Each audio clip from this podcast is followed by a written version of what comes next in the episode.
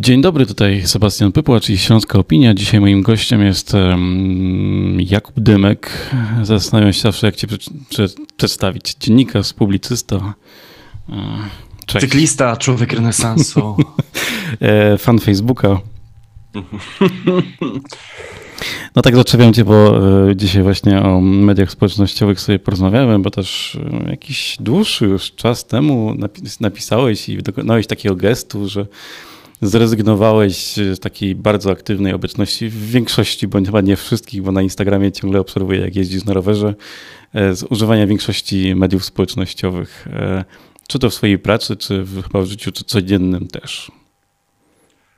E, wiesz co, ja zacznę od takiej anegdoty, że kiedy po raz pierwszy powiedziałem na właśnie Facebooku, że rezygnuję z korzystania z platformy Zuckerberga i że robię to w taki przemyślany, celowy, zamierzony sposób, to bardzo wiele osób napisało do mnie z gratulacjami odwagi. I to samo w sobie wydało mi się trochę niepokojące, bo e, te wiadomości brzmiały jak coś, co wysyła się do człowieka, który zerwał z ciężkim nałogiem albo mierzy się z jakimś problemem alkoholowym czy narkotykowym.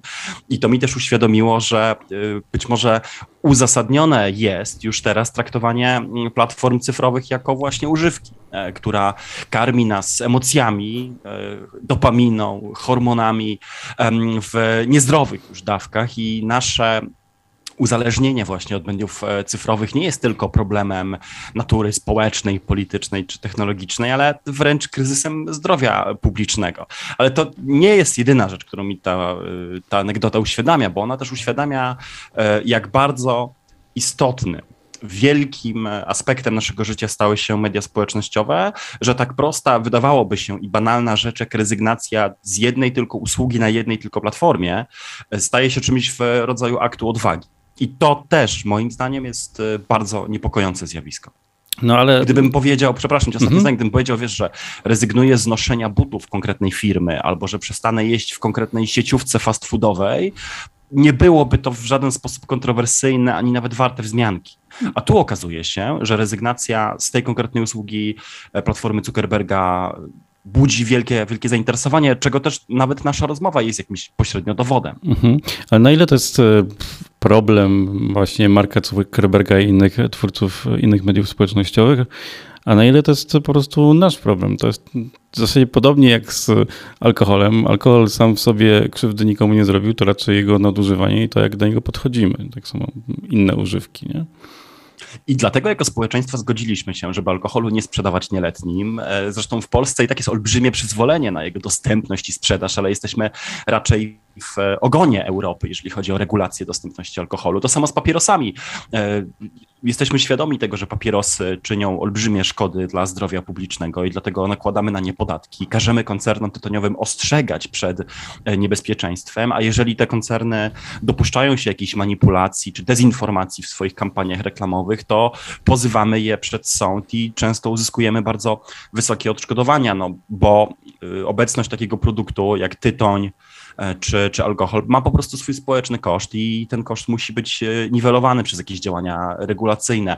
Media społecznościowe, my mamy tendencję, żeby mówić o nich jako o czymś bardzo nowym i czego jeszcze nie zdążyliśmy ująć, prawda, jako społeczeństwo czy debata publiczna, ale one są już z nami blisko 20 lat i to jest najwyższy czas, żeby zdać sobie sprawę, że one nie przyniosły ze sobą tylko e, benefitów w postaci fajnych sposobów spędzania wolnego czasu, e, szybkiego i łatwego kontaktu z bliskimi, ale przyniosły masę bardzo istotnych społecznych kosztów, znaczy w postaci e, dezinformacji i upadku zaufania do różnych instytucji społecznych, w postaci właśnie uzależnień, w postaci mocno toksycznych nawyków w dużej części młodzieży. Zresztą Scott Galloway, taki wykładowca, wykładowca ekonomii, ekonomii, inwestor i specjalista od mediów społecznościowych powiedział ostatnio w głośnym wywiadzie, że prędzej by swojemu nastoletniemu dziecku dał e, szklankę whisky i cygaro niż dostęp do Instagrama, bo uważa, że, że, jest, że jest to tak toksyczna, toksyczna metoda spędzania wolnego czasu. I oczywiście ta anegdota Galeoja zabawnie brzmi, ale e, z punktu widzenia wielu rodziców może wcale nie jest tylko żartem. Być może dzisiejsi rodzice też wiedzą, że z takimi problemami, z jakimi wychowawczymi na przykład, z jakimi musieli mierzyć się kilka lat temu, e, Instagram po prostu, znaczy nie są w stanie konkurować z, z Instagramem, a już dzisiaj tak naprawdę TikTokiem i, i wieloma innymi platformami.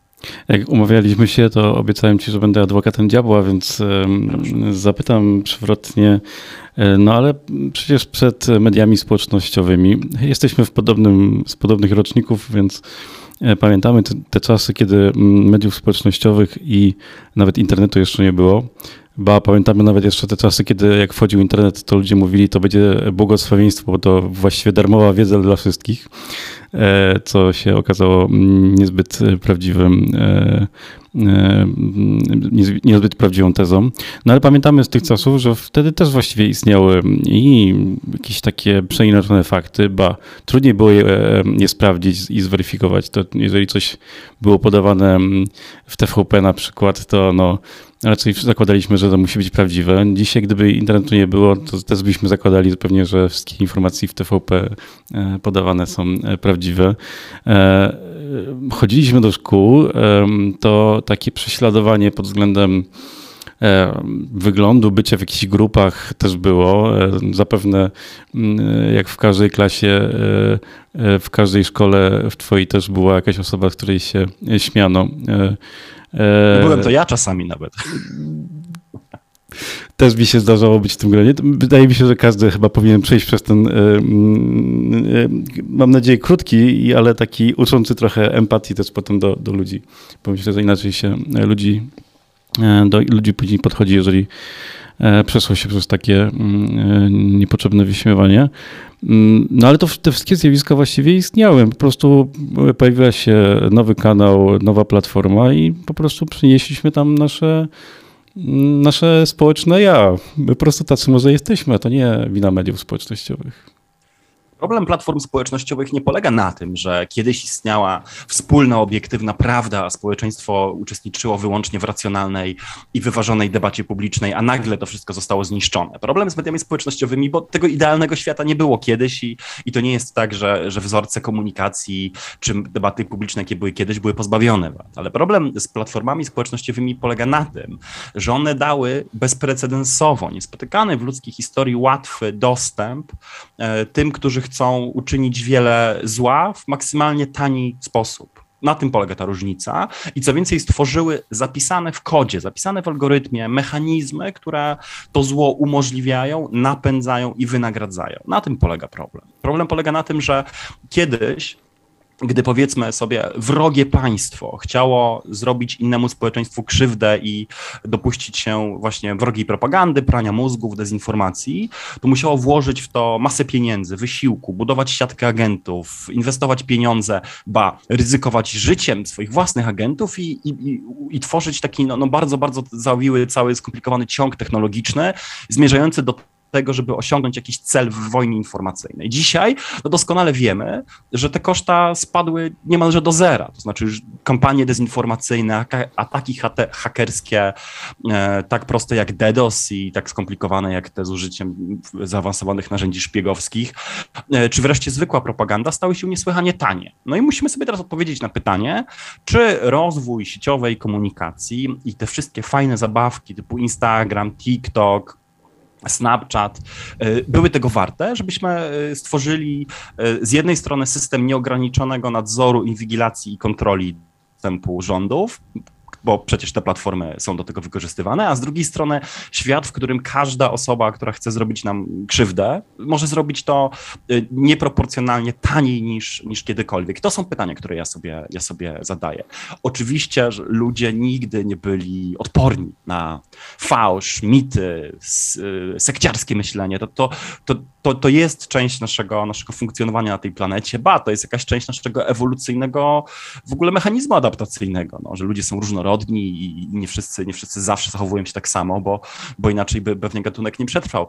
Tyle tylko, że musimy mieć świadomość, że, że są takie zerwania technologiczne czy cywilizacyjne, które um, które niosą ze sobą olbrzymie konsekwencje na, na dekady do przodu i każde nowe medium też produkuje swojego tyrana. My, my wiemy, że w historii e, niejednokrotnie społeczeństwa niegotowe czy nieprzygotowane na wielki technologiczny skok osuwały się w ramiona totalitaryzmu, autorytaryzmu czy zbrodni. To przecież nie jest rzecz, o której my nie mamy świadomości, także w tej części Europy.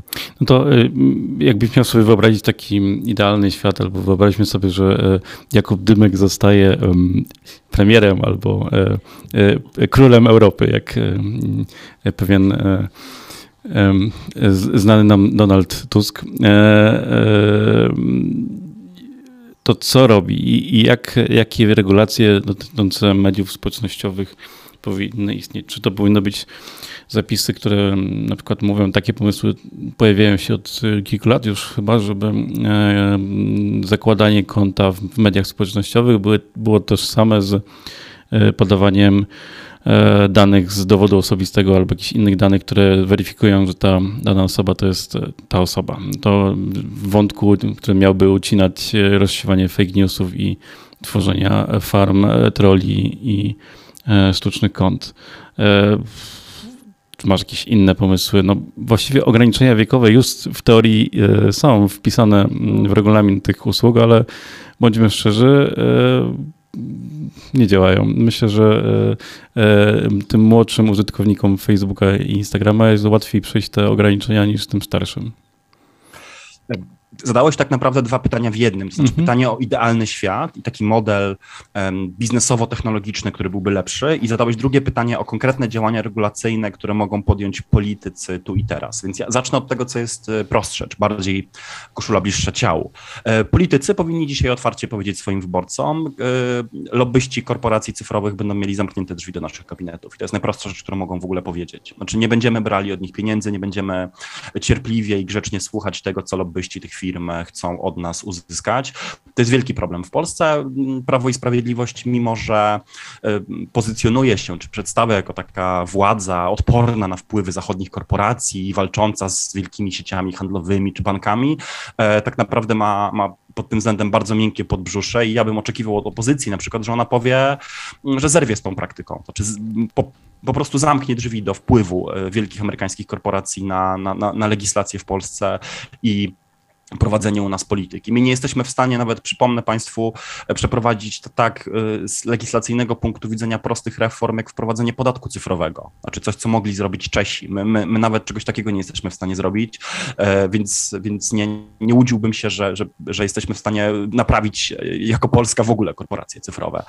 Drugą rzecz, którą powinni zrobić regulatorzy już o szczebel wyżej, czyli nie na poziomie państwa narodowego, tylko na przykład Unii Europejskiej, to jest bardzo surowo egzekwować te usługi, te, przepraszam, te regulacje usług, które już istnieją na poziomie europejskim. Znaczy, I dalej iść w stronę zakazów, szczególnie toksycznych e, praktyk, zakazu e, reklam targetowanych, zakazu e, algorytm, algorytmów manipulujących dziećmi i surowo, surowo łapać te, te firmy na tym, a wreszcie jeszcze o szczebel wyżej, czyli na poziomie w ogóle globalnym i, i amerykańskim doprowadzić do końca te postępowania antymonopolowe, które już istnieją. To znaczy, e, Ameryka jest państwem mm, praworządnym, w tym sensie jest państwem procedur i dlatego te postępowania tak bardzo się wleką przed sądami, ale trzeba sobie to opowiedzieć otwarcie, że mm, jeśli administracja Bidena teraz czegoś nie zrobi, a moim zdaniem już może w ogóle jest trochę za późno, to, to, to, to, my tych koncernów nie uregulujemy. I to są takie rzeczy tu i teraz natychmiastowe, które trzeba robić. Podatki,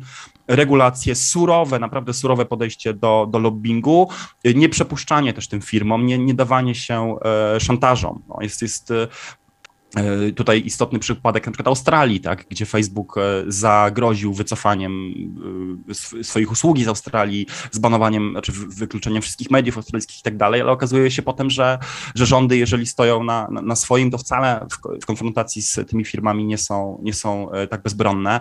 Wreszcie należy się też zastanowić tak naprawdę nad E, rolą chińskiego kapitału w tych, w tych wszystkich platformach, bo to też jest tak, że, że Donald Trump był bardzo wyśmiewany czy krytykowany, kiedy, kiedy walczył z TikTokiem, ale w tym momencie, gdy każda z tych technologii może służyć do masowego nadzoru i inwigilacji społeczeństw, również należy sobie, sobie przypominać o, o tym, czy ten kapitał ma w tym przypadku narodowość.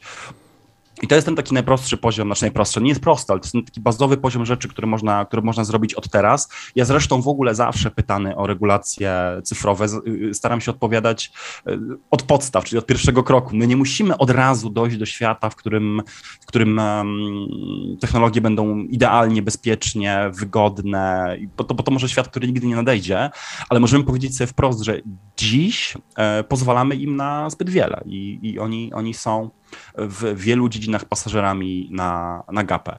Natomiast y, Teraz pytanie o ten taki świat idealny, czy ten taki model, który byłby lepszy, no to jest pytanie o to, kto ma dostęp do danych.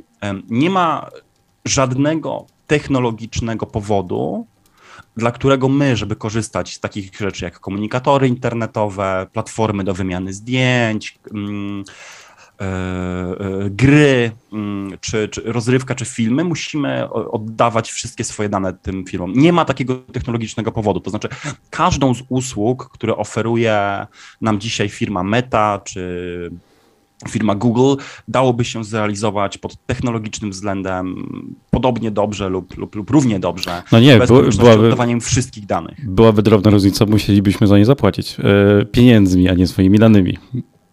Niedawny raport Polskiego Instytutu Ekonomicznego szacuje, że Polacy wyceniają e, swoje dane e, czy, czy swoją wolę, może tak, za zapłacenie za takie usługi na kilkanaście czy, czy, czy kilkadziesiąt złotych miesięcznie. Zresztą już to robią, płacą za Netflix.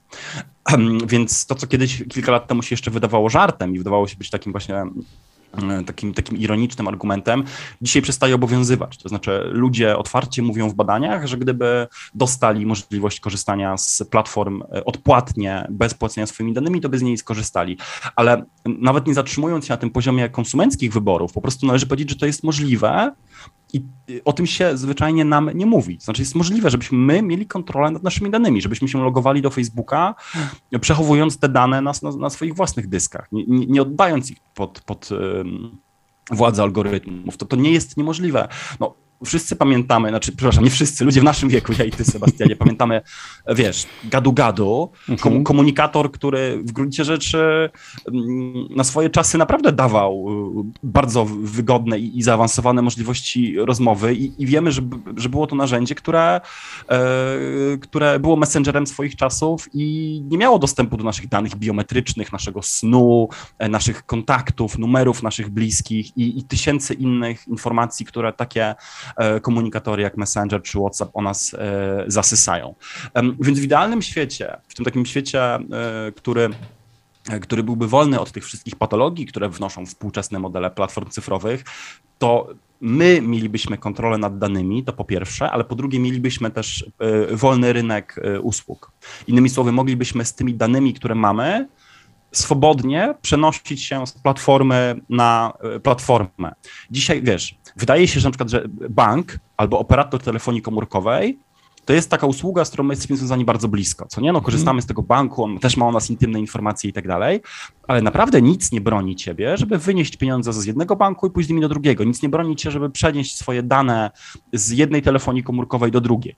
E, w przypadku platform cyfrowych, zauważmy, ten model został celowo tak zbudowany, żeby było to maksymalnie trudne, nieprzejrzyste i niewygodne. Znaczy prawie nikt kto migrował swój telefon z jednego systemu na drugi, wie, że nie jest to fajne i że te, i że te usługi są tak zbudowane, żeby to nie było możliwe. Więc w świecie idealnym, o którym, o którym mnie pytasz, byłoby tak, że zmiana dostawcy komunikatora internetowego albo platformy cyfrowej byłaby równie łatwa jak zmiana y, butów, zmiana, w sensie zmiana y, sieciówki fast foodowej albo, albo zmiana operatora cyfrowego. Czymś, co się, czymś, co się robi y, szybko i i w miarę, w miarę bezkosztowo. Dzisiaj tak nie jest. Dzisiaj te monopole bardzo tego nie chcą, żebyśmy mogli e, to robić. No a wreszcie ja oczywiście wo, wielkim wolnorynkowcem nie jestem, ale musimy pamiętać, że, że być może konkurencja E, w internecie, którą też tak dobrze pamiętamy sprzed 10 czy 15 lat, kiedy różne strony, różne modele, różne platformy nieustannie konkurowały ze sobą o, o naszą uwagę i, i nasze zainteresowanie i nasze pieniądze, też upada. Znaczy, że mamy do czynienia raczej z takimi molochami, które chcą maksymalnie szybko zdławić cudzą innowacyjność i wykupić wszystkie sensowne rozwiązania, żeby przy, przypadkiem nie rozwinął się inny, lepszy, konkurencyjny, konkurencyjny model. I my dlatego też widzimy, że ludzie z, odchodzą dziś od Facebooka, tego standardowego niebieskiego Facebooka, -hmm. desktopowego, gdy minęło już całe pokolenie. To nam też dobrze uświadamia, że ta, że, że ta zmiana nawyków e, w świecie cyfrowych oligopoli była tak trudna, że aż musiało minąć całe pokolenie, żeby po prostu dzieci dzisiejszych użytkowników Facebooka, tych early adopterów, którzy założyli sobie konto na, na stronie Zuckerberga 15 albo 18 lat temu, przeszli gdzieś indziej. Tylko pytanie brzmi, czy to gdzieś indziej, czyli na przykład TikTok nie jest e, pod względem praktyk marketingowych i pobierania danych e, alternatywą e, jeszcze bardziej inwazyjną niż, niż, niż, był nią Facebook. I też musimy sobie uświadomić, że to mm, te regulacje, o których rozmawiamy, nie muszą być nie, wielkim zakazem, bo ja sobie tak przypominam taki no, wracając ponownie, jesteśmy w tym samym wieku niestety, Mówię niestety, że to jest ten wiek. Eee, że już możemy mówić jak takie... tak, że właśnie możemy już tak mówić. Jak stare punki o złotych jest... czasach muzyki gitarowej i wybrzydzać na to, czego słucha dzisiejsza młodzież. Eee, no i pamiętamy ten moment, kiedy mm, e, wszyscy wokół na ulicy, na przystanku, w knajpach e, palili. E, dzisiaj właściwie po wprowadzeniu prostego przepisu, że nie wolno palić w miejscach publicznych, chociaż właściwie głównie to było e, uderzenie w, w knajpy i, e, i chyba w przystanki autobusowe, bo e, wydaje mi się, że tutaj jest najwięcej osób, które narzekały na początku. Mm, no i po latach stwierdzam, że ten takim prostym właściwie zapisem spowodowano, że tych papierosów wokół nas jest mniej. Mniej, a chyba palacze też nie cierpią jakichś takich strasznych męczarni, bo, bo znowu e, miejsca, które umożliwiają palenie tytoniu wciąż, e, wciąż istnieją. E, tak, ja rozwinę twoją myśl, bo pamiętajmy też, że zakaz nie jest jedyną możliwością radzenia sobie z tym. Czy to są absolutnie różne podejścia do tego, jak dzisiaj myśleć o zmianie cyfrowych usług na lepsze i one są różne, są konkurencyjne podejścia. Jedni mówią zakazywać, bronić, powstrzymywać, drudzy mówią nie, no nie wiem, rozwijać alternatywy i pozwalać na to, żeby żeby konkurencja zrobiła swoje. My pewnie nie będziemy mieli czasu, żeby każdy z tych podejść omówić, ale należy pamiętać, że one są. To też nie jest tak, że, e, że te technologie są bezalternatywne i że musimy zgodzić się na to, jak już jest. Otóż nie musimy się jakby na to zgadzać. Możemy sobie powiedzieć, że też internet jest cały czas na szczęście, nawet jeżeli my mamy wrażenie, że z każdym rokiem coraz mniej, internet cały czas jest miejscem tak wielu innowacji i tak e, kreatywnej kultury, że klęska projektu Zuckerberga naprawdę nie pogrzebie, nie pogrzebie internetu. Znaczy, to, to nie jest tak, że, że gdyby jednej czy drugiej platformie powinęła się noga, to na ich miejsce nie wyrosłyby nowe metody komunikacji czy, czy wymiany danych. Rolą państwa czy instytucji międzynarodowych, w moim przekonaniu, jest stworzenie e, w miarę bezpiecznych i uczciwych i odważnych regulacji do tego, żeby ta, żeby ta e, spontaniczność, żywiołowość i innowacyjność internetu e, mogła się, mogła się rozwijać bez, bez szkody dla społeczeństw, dla ładu międzynarodowego i dla podarki. Mhm. Y, zgadzam się z tą, tylko mm, trochę wracając do wcześniejszego fragmentu naszej rozmowy, mm, uważam, że to nie mogą być regulacje na poziomie kraju, bo e, myślę, że każdy, znaczy właściwie każdy, kto ma iPhone'a ma już e, proxy wbudowane w nowym systemie operacyjnym, więc właściwie może ładować, że jest w innym kraju i jeżeli w jego kraju Facebook jest wyłączony, to spokojnie może się przyłączyć i udawać, że w tym momencie siedzi na Hawajach w Meksyku albo w innym miejscu, w którym tych regulacji nie ma i to one powinny być szerzej e, opracowane. E, ale e, to tak zmierzając do, do końca naszej rozmowy, myślisz, że mm, będziemy mm, za kilka lat, nie wiem, 10, 20 kolejne E, obserwować, e, kiedy będziemy oglądać wiem, filmy z naszej epoki e, obecnej, to będziemy na to patrzeć tak jak na filmy i zdjęcia sprzed 30 lat, kiedy widzimy ludzi w, na imprezach rodzinnych przy dzieciach palących papierosy, w knajpach siedzących przy papierosie i w ogóle tak gloryfikujące papierosy no, daleko nie szukając, w Medmenie to jest chyba naj, najfajniej pokazane, jak oni tam te papierosy, nawet e, u lekarza, kiedy jedna z bohaterek przychodzi do chyba ginekologa, to ten ginekolog e, z papierosem e, w paszczy ją bada. Mm, na pewno będziemy patrzyli na nas z przeszłości jako, jako jakichś naiwnych, trochę pogubionych użytkowników technologii, ale to wszystko zależy od tego, w którą stronę się to rozwinie, dlatego ja tak bardzo nie lubię pro, prorokować czy, czy, czy E, wróżyć, wróżyć przyszłości. E, myślę, że wiesz, myślę, że powiem ci, czego nie będziemy robić. Na pewno nie będziemy wszyscy siedzieć w hełmach Zuckerberga w metaversu, bo, e, bo, bo to jest tak, że być może, być może też pandemia to jest taka teza, którą wygłaszam na gorąco bez przygotowania, ale być może jest tak, że pandemia uświadomiła nas, że są granice um, integracji ze światem cyfrowym, które póki co wciąż wyznacza technologia i mimo wszystko my chcemy te granice mieć. One będą różne dla różnych pokoleń, dla różnych grup społecznych, ale my chcemy mieć te granice. My naprawdę chyba już sobie doskonale uświadomiliśmy, że jest jakaś taka górna bariera obecności technologii cyfrowych w naszym życiu, znaczy gadającej lodówki, Zooma przez cały dzień, robota kuchennego, którego trzeba programować, y, załatwiania wszystkich formalności wyłącznie cyfrowo przez zawieszające się usługi, i, i, rezygnacji z bardzo wielu przyjemności życia codziennego na rzecz cyfry. I ja mam wrażenie, że e, jeżeli jakaś też granica dalszym ingerencjom e, usług cyfrowych w nasze życie zostanie postawiona, to również dlatego, że my się sami nimi przemęczymy. Znaczy, to, że nagrywamy dzisiaj podcast i to, że audio jako formuła tak wiele w ostatnich latach zyskuje, jest też doskonałym dowodem na to, że istnieje granica przesycenia się ekranem. Znaczy, że y, tak stara jak świat formuła